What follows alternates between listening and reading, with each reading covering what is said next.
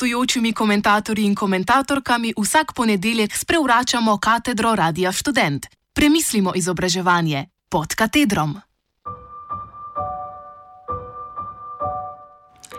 Božičnega premirja v Franciji ne bo.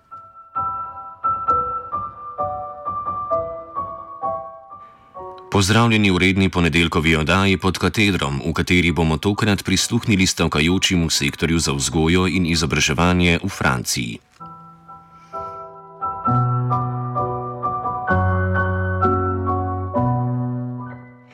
4. decembra letos je francoski premijer Edouard Philippe naznanil pokojninsko reformo.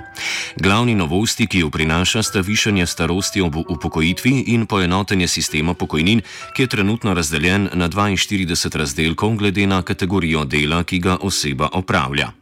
Reforma bi veljala za tiste, ki bi na trg delovne sile vstopili v letu 2022, kar bo tudi zadnje leto predsedovanja Emanuela Macrona. Trenutni pooblaščenec za pokojnine Jean-Paul Delvoy je naletel na velika nasprotovanja strani sindikatov številnih področji v državi.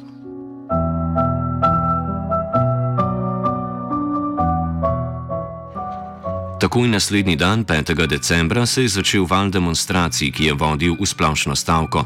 V njej so trenutno udeleženi delavci v prevozništvu, zdravstvu, izobraževanju in nekaterih drugih sektorjih.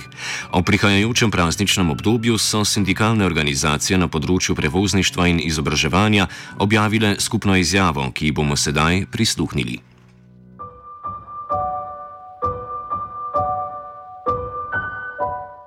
Citiramo. Od 5. decembra dalje se je zgradilo množično gibanje v nasprotovanju pokojninski reformi Makrona in Delvoja. Naši sektori za tovorništvo, javni mestni prevoz in izobraževanje so svojim uporabnikom pokazali, da so v prvih vrstah mobilizacije, oziroma vsaj to, da se v njihovih sektorjih učinki stavke najmočneje občutijo. Znatno število osebja v naših sektorjih stavka od 5. decembra in naše organizacije pozivajo celotno osebje, da se stavki pridruži. Za stavko je odgovorna vlada, ki zavrača možnost umika svojega projekta, ki ga večina prebivalstva ne podpira.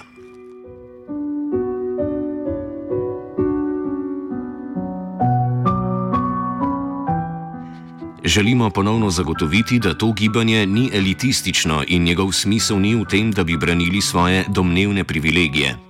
Z mobilizacijo branimo pravice vseh nas, z izjemo manjšine najbogatejših, tistih pravih privilegirancev, ta reforma pomeni izgubo za večino prebivalstva, tako glede starosti ob upokojitvi, kot tudi glede višine pokojnin. Nedavne izjave premijeja in razglasi ministrov naših sektorjev o reformi niso nič spremenili. Umik projekta Makrona in Delvoja je naša prioriteta.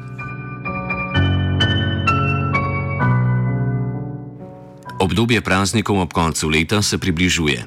To vladi predstavlja mož, priložnost, da izvaja pritisk na sektorje, ki stavkajo, tako da maha zastavo z napisom Božično premirje, da bi razdelila prebivalstvo.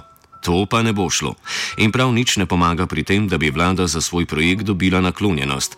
Kar se naših organizacij tiče, božičnega premirja ne bo. Odločno ponavljamo, ni premirja, dokler ni umika.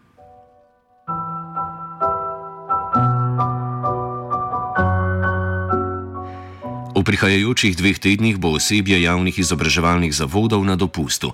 V tem obdobju so predvidene različne akcije v sodelovanju skupin zaposlenih, ki bodo povezovali stavko ki se bodo povezovali s stavko v tovorništvu in javnem prevozu. Akcije bodo potekale v raznolikih oblikah, kot so naprimer različne blokade, brezplačne cestnine od 21. decembra naprej, božične večerje na večnih, žele, večjih železniških in avtobusnih postajah, deljenje letakov, skupščina skupin zaposlenih in demonstracije.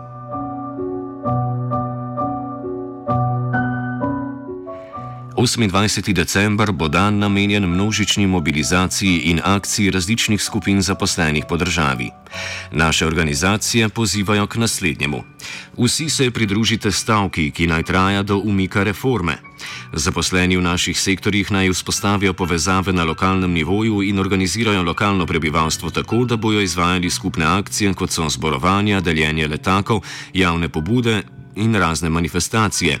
Zaposleni naj se med zapustom naj se med dopustom vključijo v različne akcije v kraju, v katerem bivajo ali dopustujejo. Prebivalstvo naj podpre stavkajoče na različne načine, sodeluje v različnih v raznih pobudah in prispeva v solidarnostne fonde. Konec citata.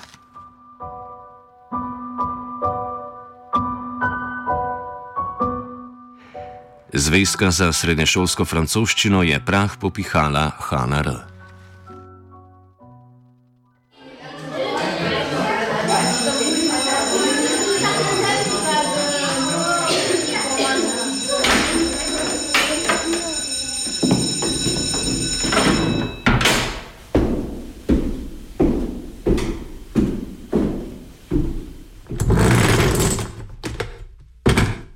gostujočimi komentatorji in komentatorkami vsak ponedeljek sprevračamo katedro Radia Student. Premislimo izobraževanje pod katedrom.